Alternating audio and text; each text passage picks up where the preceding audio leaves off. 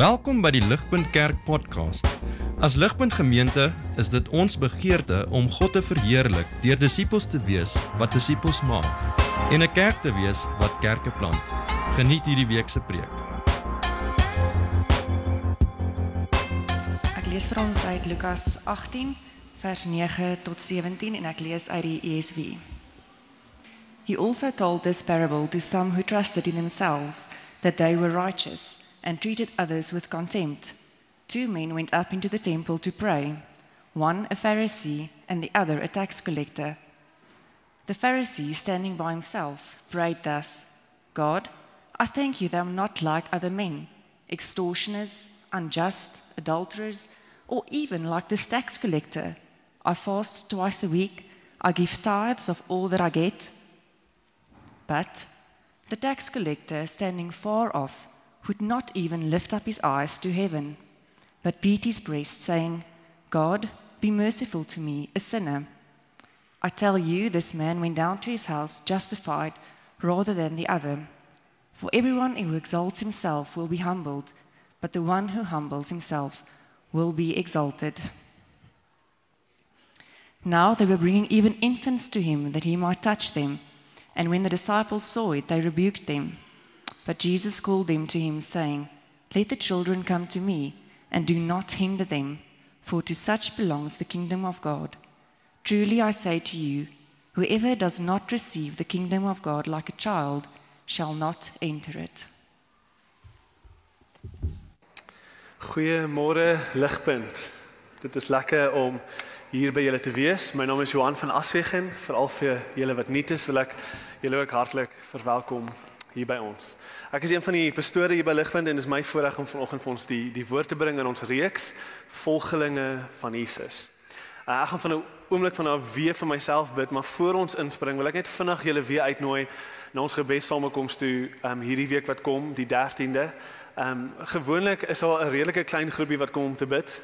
Ehm um, en ons het baie moeite gedoen om ehm um, die aand 'n uh, bietjie anders te laat vloei. Ons gaan saam sing. Ehm um, en so ek wil julle regtig uitnooi om nie uit te mis op hierdie spesifieke een nie want ons het baie meer moeite gedoen um, om ons harte warm te maak vir gebed.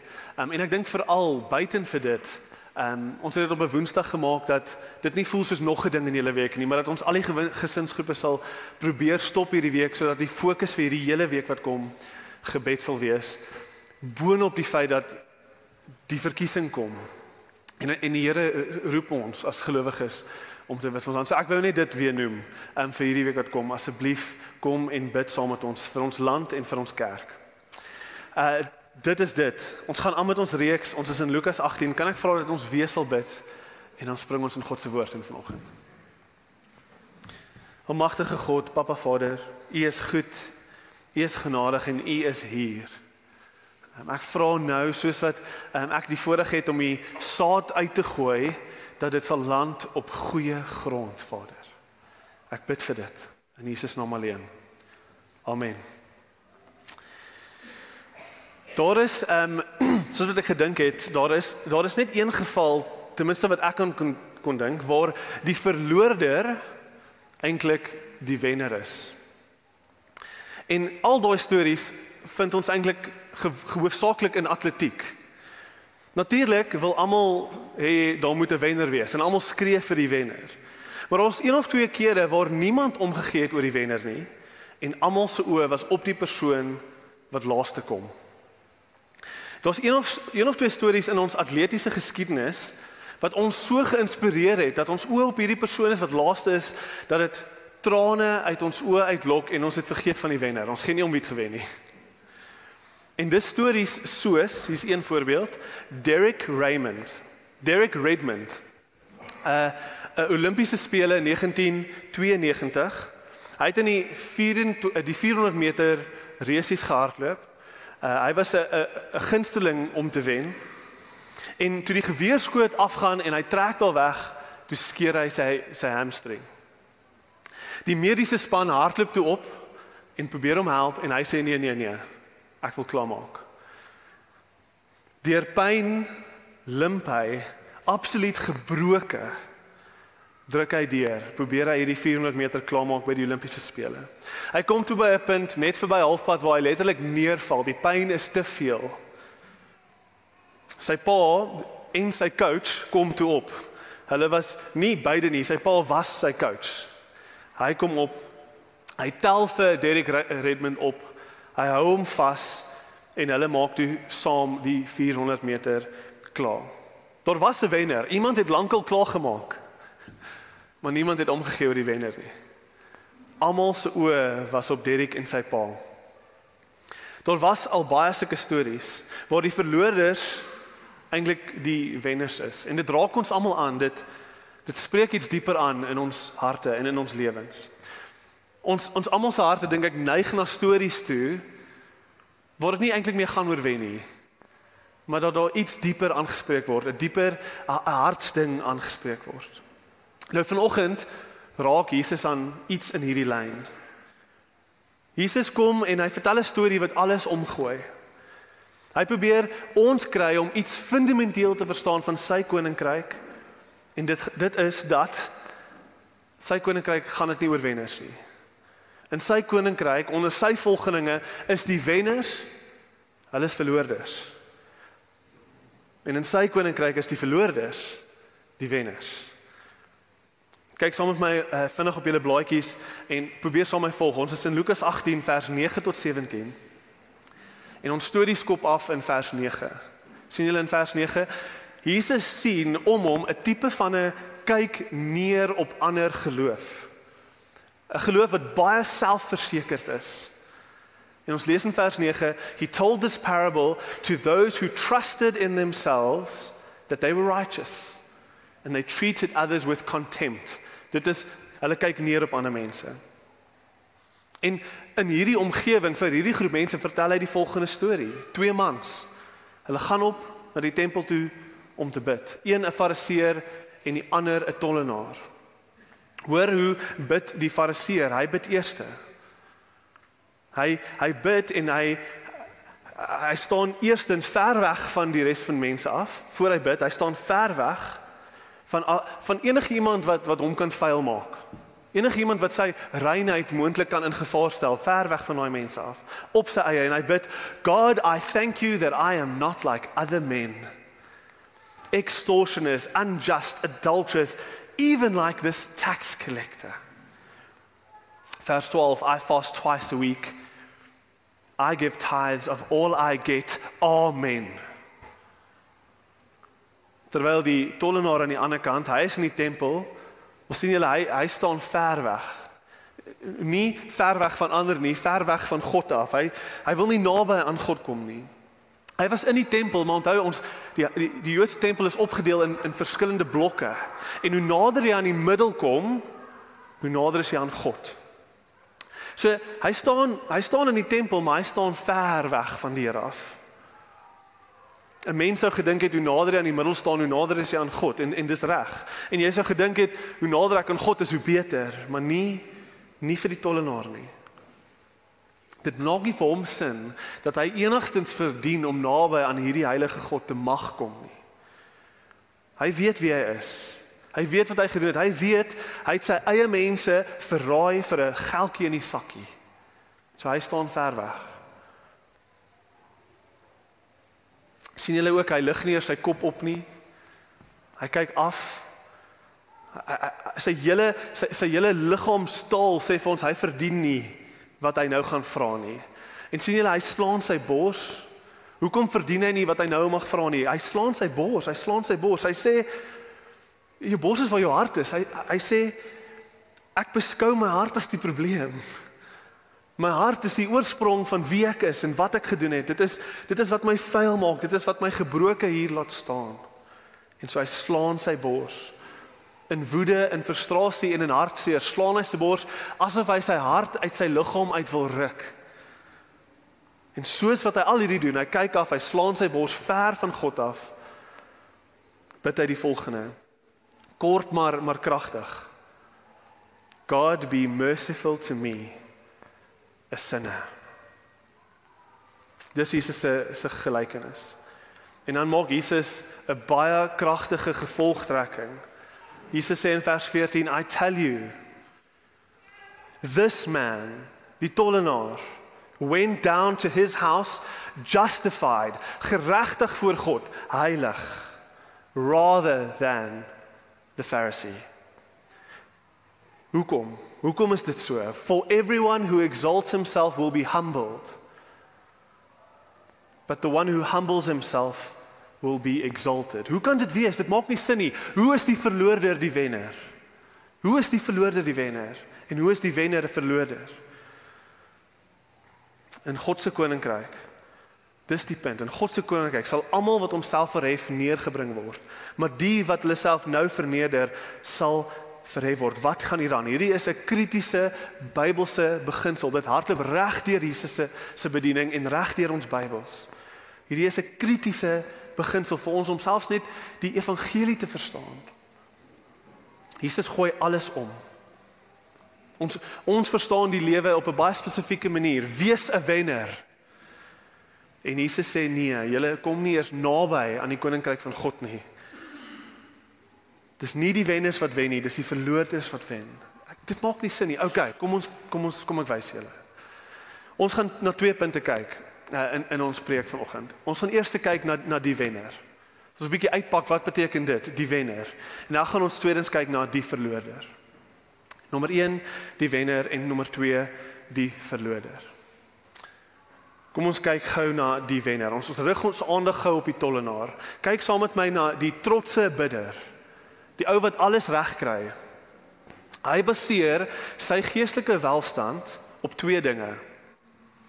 Op hoe hy vergelyk met ander mense, I am not like other men.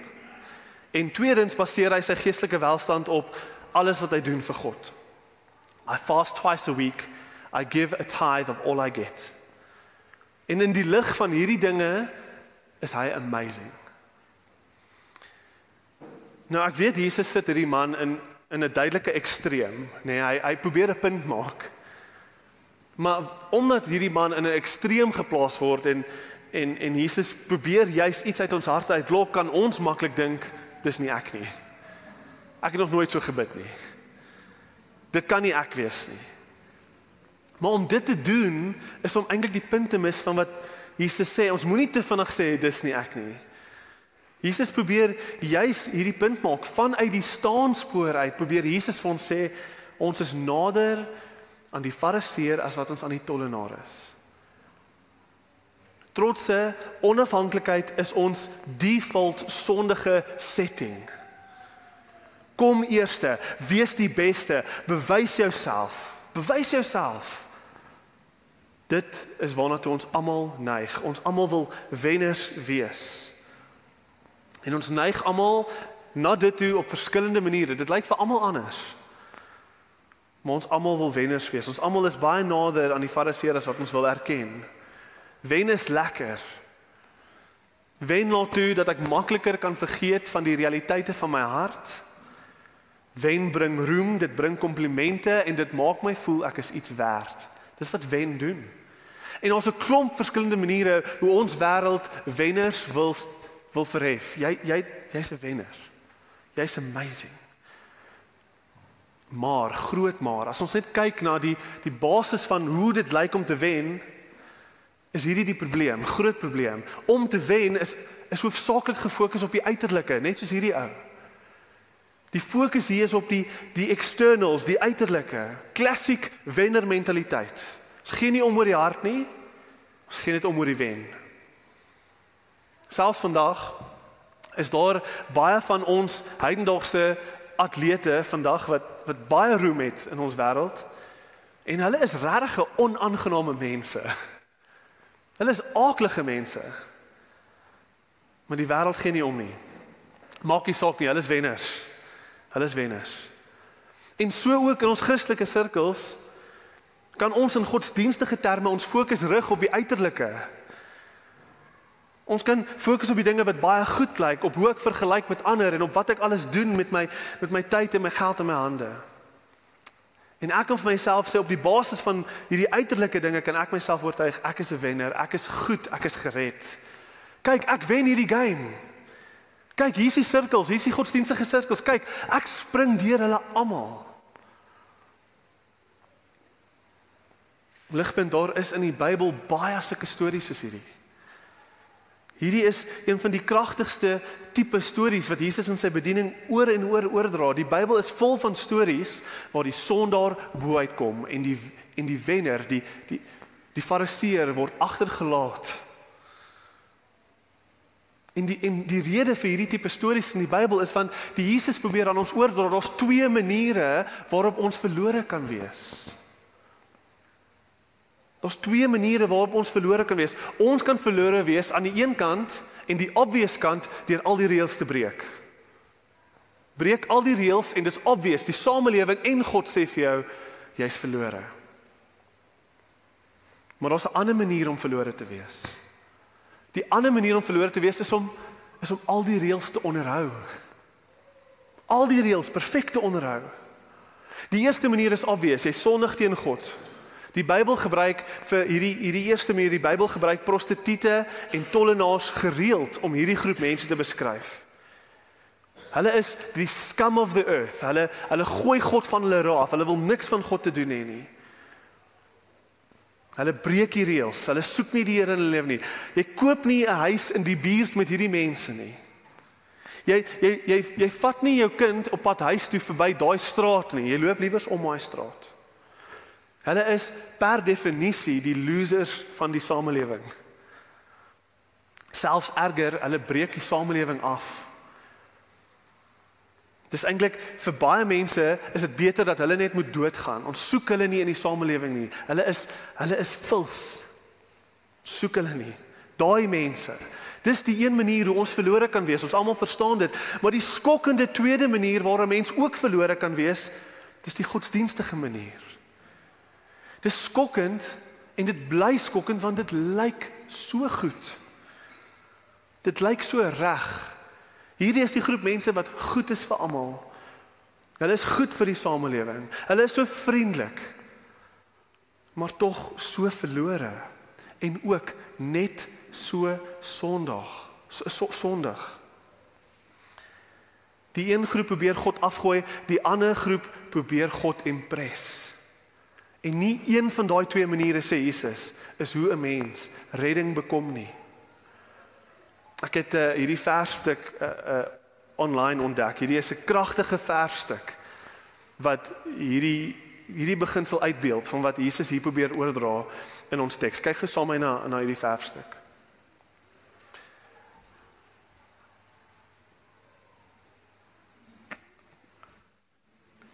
Ek ek kan nie aangaan as jy nie kyk hoe lyk dit nie. Nee, volgende ene, dit was Derrick Raymond. Ek sal hom later weer opgooi. Nee, nee hy nie. Tweede slide. Werk hy nie? Ah, oh, dis hartseer. OK, dis OK, ek gaan nie werk nie. Ehm um, dis baie hartseer. Dis ek gaan dit beskryf. Ehm um, in 5 minute langer preek. Dis 'n dis 'n verfstuk van van 'n 'n baie mooi geklede man wat eintlik 'n skelet is. Hy hy's hy's dooie bene en dan is daar in die agtergrond ver weg 'n 'n ah 'n man op sy knieë. 'n Man op sy knieë. Dis dis so 'n kragtige prentjie hierdie. Ek ek dink dit druk ons. Dit druk ons van ons twee maniere om verlore te wees. En ons sien dit so duidelik in hierdie prentjie soos wat ons hierna kyk, wil wil ek julle eh, herinner hou dit op vir ons hier gou asseblief vir 'n oomblik. Soos wat ons kyk na die verfstuk, wil ek net duidelik maak Jesus keer nie die lewe goed van 'n sondaar nie. Jesus sê nie dis oukei okay om daai sondige besluite te maak nie. Die punt wat Jesus liewes probeer maak is die sondaars, die skam, die filth, hulle weet darm wie hulle is. Hulle verstaan hulle is verlore. Ons hoef hulle nie daarvan oor te oortuig nie. Maar maar ag, probeer 'n goeie mens. Goeie mens. Probeer 'n wenner met 'n goue medalje om sy nek. Probeer vir hom sê hy is net so verlore soos daai korrupte ANC leier. Probeer hom oortuig daarvan. Dat dieselfde korrupsie in sy hart lewe. En hy het op kleiner maniere dieselfde sonde gepleeg as daai man. Selfs dalk erger. Probeer hom oortuig. Probeer die godsdienstige skelet van 'n mens oortuig wat niks weet van genade dat hy eintlik dat hy eintlik net so sleg is soos 'n tollenaar of 'n prostituut. Probeer dit regkry. Dis baie moeilik. Die rede hoekom Jesus op hierdie skokkende manier oor en oor hierdie tipe stories vertel waar die eerste laaste is en die laaste eerste is, is want Jesus probeer eintlik uitreik. Jesus probeer op die skokkendste terme deur die hardste van harte breek. Hy probeer hierdie massiewe groep mense in Israel wat oortuig is hulle is geregtig in hulle eie oë. Hy probeer hulle oortuig julle kort my net soveel soos die prostituie doen. Want net soos die verfstuk onder alles wat mooi is onder alles wat mooi is lê daar 'n uiterse selfsugtige hart wat sy eie ego streel al gebruik dit 'n godagtige taal en manier van doen om homself te verhef. Hierdie is die wenner. Hoe hoe pas ons hierdie toe op ons harte? Ek ek het 'n uh, kom, kom ek stel dit so ek ek wil vir 'n oomblik gou ek wil met almal praat uh, soos wat ons hierdie toepas. Ek dink dit is uit ontsettend belangrik vir ons almal om na ons harte te kyk en te verstaan die uiterlike is nie ons kan nie God impres nie. Maar maar ek wil veral gou met ons leiers praat. Ek wil hierdie toepas op ons leiers se harte. Almal moet hierdie hoor, maar asseblief as jy 'n leier is van enige aard, hoor gou wat ek wat ek wat ek wil wil wys vir ons uit hierdie stuk uit. Ouderlinge, diakens, personeellede, bandmembers, ligpunt, ligpuntjie leiers en helpers ligpunt gesinsleiers, dienspan leiers en almal anders wat in enige mate by ons gemeente betrokke is. Almal. Hierdie teks praat met met ons vanoggend op 'n baie spesifieke manier. Dit is my persoonlike ervaring dat ons as leiers wat meer betrokke is in wat ook al hoedanigheid ons het baie geleenthede om onsself te vergelyk met ander mense en vir onsself te sê, "Wow. Maar jy doen goeie werk." Ons as die leiers in die gemeente, ons het baie geleenthede om te kyk na die hande van ons werk en hoe ons voorkom en te sê, "Ek is verseker gered."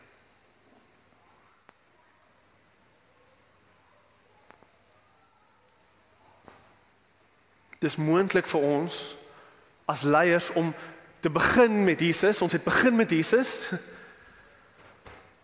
En eers het ons later aanbeweeg van Jesus af met nou 'n groter waardering vir die werk van ons hande en hoe ons voorkom as vir die reddende werk van Jesus. Ons het begin met Jesus, maar ons het eers eers het ons die fokus gesit op onsself.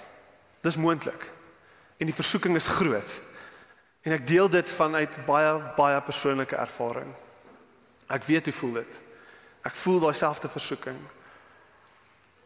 En en hier's wat ek met julle wil deel. Hierdie is Matthew Mead. Okay, Matthew Mead was 'n 'n Puritan in die 1600s wat deel was van die van die van die reformatie in in Engeland. Uh hierdie is Matthew Mead se woorde vir ons. Hoor net gou hierdie. Lees saam met my. The raven was an unclean bird. God makes use of her to feed Elijah, though she was not good meat. Yet it was good meat she brought. A lame man may, with his crutch, point the right way and yet be unable to walk it himself. A deformed tailor may make a suit to fit a straight body, though it does not fit him who made it. The efficacy, the, the effectiviteit of, of the word does not depend upon the authority of him who speaks it, but upon the authority of God who blesses it. So that another may be converted by my preaching, and yet I may be cast away, notwithstanding. Balaam makes clear and makes a clear and rare prophecy of Christ, and yet has no benefit uh, by Christ. There shall come a star of Jacob, and a scepter shall rise out of Israel. But yet Balaam shall have no benefit by it. God may use a man's gifts to bring another to Christ when he himself, whose gifts God uses, may be a stranger unto Christ.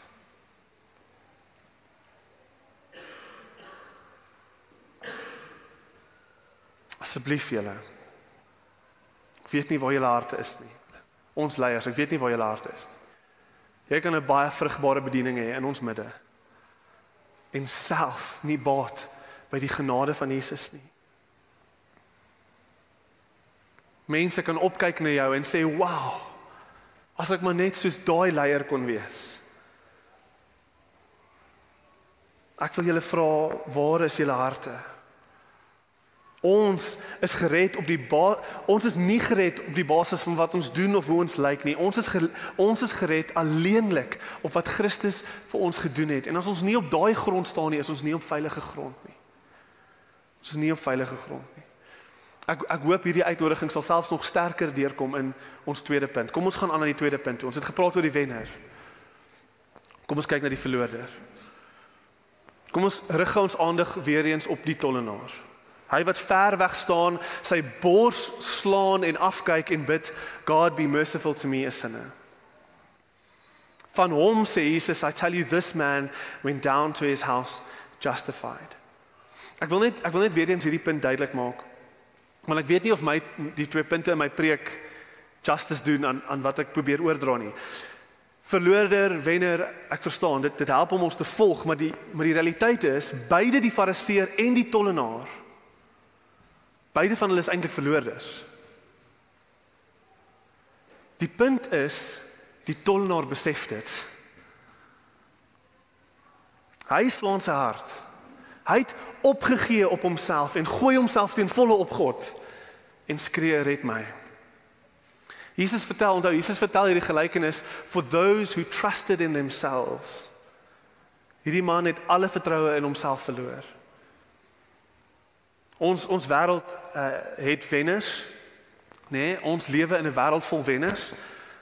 Maar die punt wat Jesus eintlik probeer oordra is voor hom, voor God, wanneer ons vanuit sy perspektief nugter kyk na ons harte en na sy heiligheid, dan is daar net verloorders. Ons almal is verloorders. Dis die punt. Die verskil is die tollenaar, hy own dit. Hy own dit. Gegeewe sy lewenstyl fair enough. Dis makliker vir hom om te sien wat reg in sy hart aangaan. Hy voel sy sonde. Dis hoekom die evangelie nog altyd oor die geskiedenis van die groei van die kerk het die evangelie nog altyd die wildste versprei onder onder onder moordenaars, weduwees, die armes, die die siekes, die gebrokes ensovoorts. In tronke, tronke die die evangelie vat vlam in tronke. Nie omdat hulle sondaars is en ons nie is nie, omdat ons almal sondaars is, maar hulle sien dit raak. Hulle sien wat regtig in ons almal se harte aangaan raak. Maar dit strek selfs verder as dit. Wat Jesus eintlik oordra aan ons is 'n beginsel, 'n 'n kenmerk van van sy volgelinge. Jesus probeer onthou ons is in die reeks volgelinge van Jesus. En elke elke gelykenis wat Jesus stel, soos wat sy disippels hom volg, probeer hy aan hulle 'n kenmerk oordra. Hierdie is hoe my volgelinge lyk. En so Jesus probeer eintlik op hierdie pad na die kruis toe met sy volgeling agter hom probeer hy vir ons sê in hierdie storie, daar's iets hier wat 'n kenmerk is van my volgelinge. Wat is die kenmerk van 'n ware gelowige wat ons hier leer? 'n Volgelinge is 'n geredde verloorder. 'n volgelinge is 'n geredde verloorder. En dis 'n dis 'n dis 'n dis deel van ons nuwe identiteit. Dis dis deel van ons storie. Sonde is nie 'n klein deel van ons storie waarvan ons kan vergeet en aanbeweeg nie. Nee, sonde is 'n massiewe deel van ons identiteit en wie ons is. Ja, ons is gered vanuit dit. Ek verstaan dit. Maar dit bly 'n deel van ons storie wat ons absoluut nigter en nederig hou. Ons is geredde verloorders. Hoor uh, vir Charles Spurgeon, ek het op 'n klomp Charles Spurgeon quotes neergekom en ek het besef hierdie ou het harde werk gedoen op hierdie teks en hy het my geïnspireer. Ek wil ek wil hierdie vir julle lees. Hy sê, "O sirs, Would Christ have shed the blood of his heart for some trifling sins which your tears could wash away? If sin had been a small matter, a little sacrifice would have sufficed. So genoeg gewees het. No. The Lord God measured the greatness of our sin and he found it high as heaven, deep as hell, broad as the infinite, and therefore he gave so great a savior. He gave his only begotten son, an infinite sacrifice, an unmeasurable atonement. Wat sê Spurgeon hier vir ons? Hy sê hierdie is wie hy is. Hierdie is die realiteit van waaruit jy gered is, Christen. Jy is 'n geredde verloorder. Daar is nie plek vir trots in die Christelike lewe nie, nie gegee waaruit ons kom nie. Die tollenaar is eintlik elke gelowige se storie. Elke ware gelowige is is soos die tollenaar. Dit lyk anders vir ons elkeen. Van ons word in Christelike huise groot, van ons het meer dramatiese stories van hoe ons tot bekering gekom het. Maar elke Christen ergens in sy lewe moet die vernedering van sy sonde proe. Hy moet op sy knieë neerval met 'n diep besef van wie hy regtig is en wie God regtig is en hy moet uitroep: "Red my." Elke gelowige het daai storie. Al lyk dit anders vir elkeen. Wat het ons om op trots te wees gegee waaruit ons gered is? Gegee die harte wat die, ons wêreldwyd in ons self dra. Wat het wat 'n plek het ons om enige claims te maak? Paulus aan die einde van sy lewe skryf I am the chief of sinners. Hy sê verder I boast in nothing except the cross of Christ. Daar is niks wat ons kan bring, niks wat ons kan doen, selfs na ons gered is, niks wat ons kan bereik waarop ons kan trots wees nie. Want ons was dood, hulpeloos en toe gryp God in en bring lewe. Dis alles genade van begin tot einde, dis alles genade. En ek wil hê ons moet sien dis dis eintlik goeie nuus. Dis werklike goeie nuus. Die hart van die evangelie is dat dit 'n evangelie is vir verloorders. Dis 'n evangelie vir sondaars. Nie wenners nie. Weereens. Hoor wat sê Spurgeon. Hy sê the gospel is like a letter directed in a clear legible hand. And if you will read to who it is directed, you will find that it runs thus. Dear sinner. Salvation is meant for the lost, the ruined, the undone. And the blessings which it brings of pardoning mercy and cleansing grace must be intended for the guilty and the polluted. The whole need not a physician, the physician has his eye upon the sick. Alms are for the poor, bread is for the hungry, pardon is for the guilty. Oh, you that are guilty, You are the men that mercy seeks after. You were in God's eye when He sent His Son into the world to save sinners. From the very first inception of redemption to the completion of it, the eyes of the great God were set on the guilty, not on the deserving.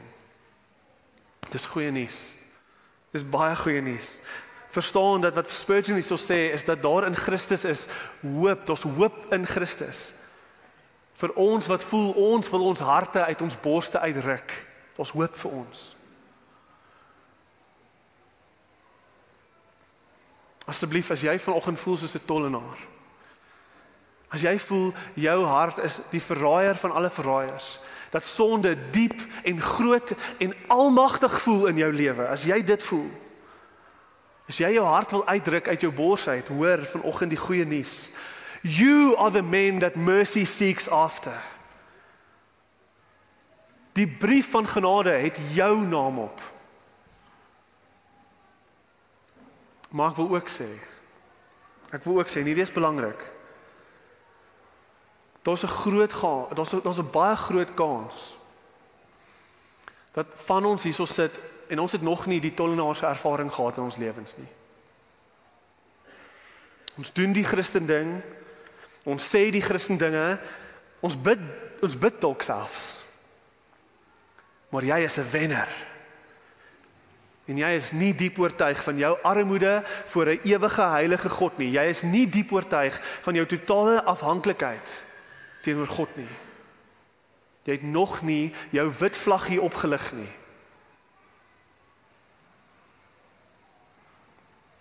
Jy dink jy kan dit doen. Jy wil jouself nog 'n kans gee sonder God. Sonder of met hom, afhangend van hoe jy wil verlore wees. Dalk wil jy jou eie lewe lewe, jou begeerd al alles van God afgooi, jou eie begeertes najag en alle sonde kies wat jy kan kies. Dalk wil jy dalk wil jy daai pad volg. Dalk wil jy soos die lewe na dalk wil jy eers soos die tollenaar gaan lewe voor jy na die tollenaar se plek toe op sy knie gebring word.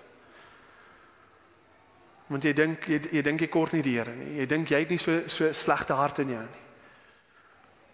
Maar ons 'n ander manier ook, nee, dalk wil jy soos die fariseer wees. Dalk jy vir almal wys ek kan myself red. Geef vir my 'n paal, 'n godsdienstige paal en ek sal vol, ek sal vir jou oor hom spring. Asseblief hoor my, dis nie Christendom nie. Dis nie die reddingspad nie sien julle dat direk na Jesus se gelykenis praat hy van kinders in vers 15 en 17. Die die die ESV gebruik infants, maar die dis dis baie akkuraat om sê babas. Die NIV gebruik babas en dis eintlik meer akkuraat. Jesus praat van babas. Hy sê bring die babas na my toe. Hoekom? Hoekom direk na ons teks praat Jesus van kinders? Want weer eens, dis 'n illustrasie van wat hier aangaan. Die Christen is so afhanklik soos 'n kind. Die Christen is so afhanklik soos 'n baba. Hy hy moet sy hand laat vasgehou word. Sy hand moet vasgehou word. Die probleem is en die rede hoekom ons kerke so vol valse Christene is is want daar is 'n tipe Christendom daar buite wat absoluut kyker vir die wenner. Daar's 'n tipe valse Christendom wat sê God is 'n God wat jou lewe moet beter maak. Hy moet jou help wen. Hy moet vir jou jou vrou kry, daai werk kry, daai droomhuis kry en hy moet jou genees van alle siektes. En daai tipe preke oortuig jou God moet genadig teen jou, oor jou wees want hy's 'n God van liefde. En en ons is al te lucky. Hy moet my genadig wees. Ek verdien daai genade. Ek's 'n natuurlik. En ons En om eerlik te wees, ons eet dit op. Ons eet daai tipe Christendom op want ons wil glo dat ons wenners kan wees en dat God aan my sy kan staan en hy kan my help wen. Ons wil dit glo. Natuurlik wil ons dit glo want want daai tipe boodskappe haal ons nie van die troon van ons harte af nie. Dit sit ons op die troon van ons harte en dit sê vir ons jy moet daar staan. Jy moet op die troon van jou hart staan. Jy moet koning wees van jou eie lewe. Die probleem is dit dis nie ware Christendom nie. Dis nie die Christendom van die Bybel nie. Die waarheid is God hoef ons nie te vergewe nie. Gegeewe wie ons is voor 'n heilige God. Hy sal totaal en al geregtig wees. As hy elke liewe een van ons vandag hel toe stuur, is hy geregtig. Dit is sonde. Dit is wat sonde is. Ons het ons rug gedraai op hom. Ons het hom in die rug gestreek. Ons het alles wat goed is, ons het ons rug gedraai op hom. Hy sal geregtig wees. Vanuit die staanspoor uit is die ware Christen iemand wat hierdie besef en hy lig sy vlug. Hy hy wit sy hy lig sy wit vlaggie in die lug op en hy waai. Hy sê ek surrender. Ek gee op. Ek sien my hart, ek sien sonde, ek besef wie ek regtig is en ek val neer en ek pleit vir genade al hoef God dit nie te gee nie, ek pleit genade. Oh God, be merciful to me a sinner. Asseblief ligpunt hoor vanoggend dat jy nie toevallig hier so sit vanoggend nie. Die Here het jou vanoggend kerk toe gebring. Die Here het jou vanoggend kerk gebring. Jy sit nie per toeval hier nie. En sien vanoggend raak dat die waarheid hier vir jou geopenbaar is deur die genade van God en sien dat as jou hart hier aangespreek word, sien dat daar 'n eenvoudige gebed is wat jy kan bid. Daar is 'n baie eenvoudige gebed wat jy kan bid. God, be merciful to me, a sinner. En asseblief moenie dink dis 'n rympie wat ek kan opsê nie. Dis nie 'n rympie nie. Dis 'n ervaring van die hart. Maar die Here is genadig en hy gee vir ons 'n eenvoudige gebed. God be merciful to me a sinner. Bid dit. Bid dit. Onthou, dis Jesus wat hierdie storie vertel. Hy's op pad kruis toe. Hy is gestuur vir ons redding, vir ons sondes, vir ons gebrokenheid. Die Here het ons nie gelaat in daai gebroke plek waar ons is nie. Jesus Christus is die verloorder van alle verloorders sodat ons nooit in hom regtig hoef te verloor nie. Die volle mag en wraak van die heilige geregtige God is op hom uit neergestort. Dit het op die seun neergekom sodat dit nooit op ons hoef neer te kom nie. Dit is die liefde van God, dis die genade van God. God have mercy on me a sinner. As jy dit bid, en jou oë is gerig op Jesus, then you will go home justified vanoggend. Geregtig voor God. Ek sluit af met 'n laaste ehm um, 'n laaste onthou hierdie. Sal julle hierdie onthou vanoggend? Ons as gelowiges, ons wen deur te verloor. Ons wen deur te verloor. Onthou Jesus se woorde in vers 14. For everyone who exalts himself will be humbled, but the one who humbles himself will be exalted. Ons hardloop as Christene nie meer om te wen nie. Hoor dit. Ons hardloop die resies van die lewe nie meer om te wen nie, nie hier en nou nie. Almal om ons gaan dit doen. Almal om ons gaan hardloop om te wen beter werke, beter karre, makliker omstandighede, beter reputasies, wen wen wen, altyd 'n gejaag om voor te kom. Geen werklike kruis om op te tel nie. Dis nie die Christen nie. Ons is agter. Ons is in laaste plek op ons knieë. Net soos uh, Derek Redmond se pa hom kom help het opgehelp het om die resies klaar te maak, is die Christen lewe een wat ons elke dag in nederigheid, afhanklikheid, eerlikheid en in gebrokenheid elke dag in laaste plek aanvaar ons die hulp van ons hemelse Vader. Elke dag steun ons op hom. Ons gooi ons volle gewig op hom wat ons help en ons noem hom Vader en hy tel ons op. Soos tollenaars gaan ons deur die lewe nederig, nooit neerdalend en neerkykend op ander nie, want ons weet wat in ons harte aangaan. Ons is geredde verloorders wat niks verdien nie, maar alles ontvang het in Jesus. En in ons swakheid, daar in laaste plek, gaan ons agterkom, nê, nee, dat die wêreld Hulle oë kyk nie na die wenners nie. Hulle oë is nie geruk op op die wat eerste is nie. Hulle oë kyk nie na die CEOs of die, die hulle oë kyk nie vir daai mense nie. Die wêreld in laaste plek gaan ons sien die oë van die wêreld is gerig op ons.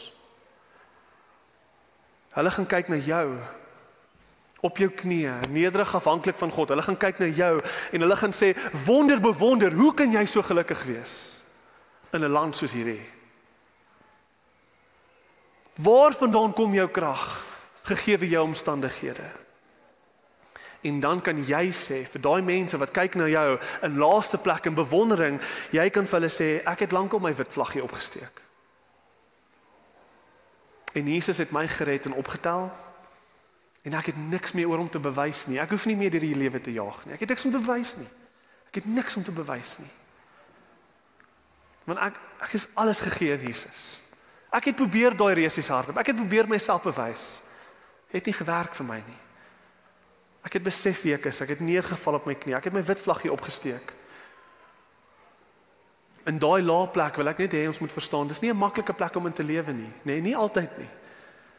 Daar in laaste plek, eh, dit is hoe die Christelike lewe lyk. Daar is sonde wat ons mee worstel. Daar is swaar kry. In laaste plek dit dit is nie dit toets ons hart. Dit is nie altyd lekker om laaste te wees nie. But his strength is made perfect in our weakness. His strength is made perfect in our weakness. En weet jy wat daar is kere. Daar gaan kere wees in laaste plek waar die Here jou verhef. Waar die Here jou op sy tyd en op sy manier vir jou 'n goue medalje gaan gee. Jy gaan in sy naam die wonderlikste prestasies kan behaal. Jy gaan kan. Maar sonder die trots daarvan. Sonder dat jy daar uitgekom het in jou eie krag. Jy gaan daar in daai in daai plek wanneer die Here kies om jou te verhef, om jou te seën met baie. Wanneer hy jou daar sit, dan gaan jy kan sê dit was nie ek nie. Werklik, dit was nie ek nie. Dit was genade alleen. Ek weet wie ek is. Ek ek het my vlag, ek het my wit vlaggie opgesteek. Ek weet wie ek is. Ek is 'n ek is 'n geredde verloorder. Hy het dit gedoen. Ons ligpunt, ons is geredde verloorders. Dit is die Christelike kenmerk. Dit is hoe ons resies lyk. Kom ons bid saam en gaan hierdie week binne met die woord van God in ons harte. Almagtige God, Papa Vader, dankie vir hierdie hierdie kragtige boodskap. Dankie dat U alles op ons op sy kop kom draai. Vader, U weet presies wat aangaan in die harte van die van die mense in die kamers vandag. En ek wil net vra Vader, sal U die wat moet bid God be merciful to me sinner. Sal U hulle harte op hulle knieë laat sink en dat hulle daai gebed sal bid vanoggend. En nie hierdie geleentheid mis wat die Here vir hulle gebring het vanoggend nie. Ek bid vir dit. Breek deur Vader by daai harte.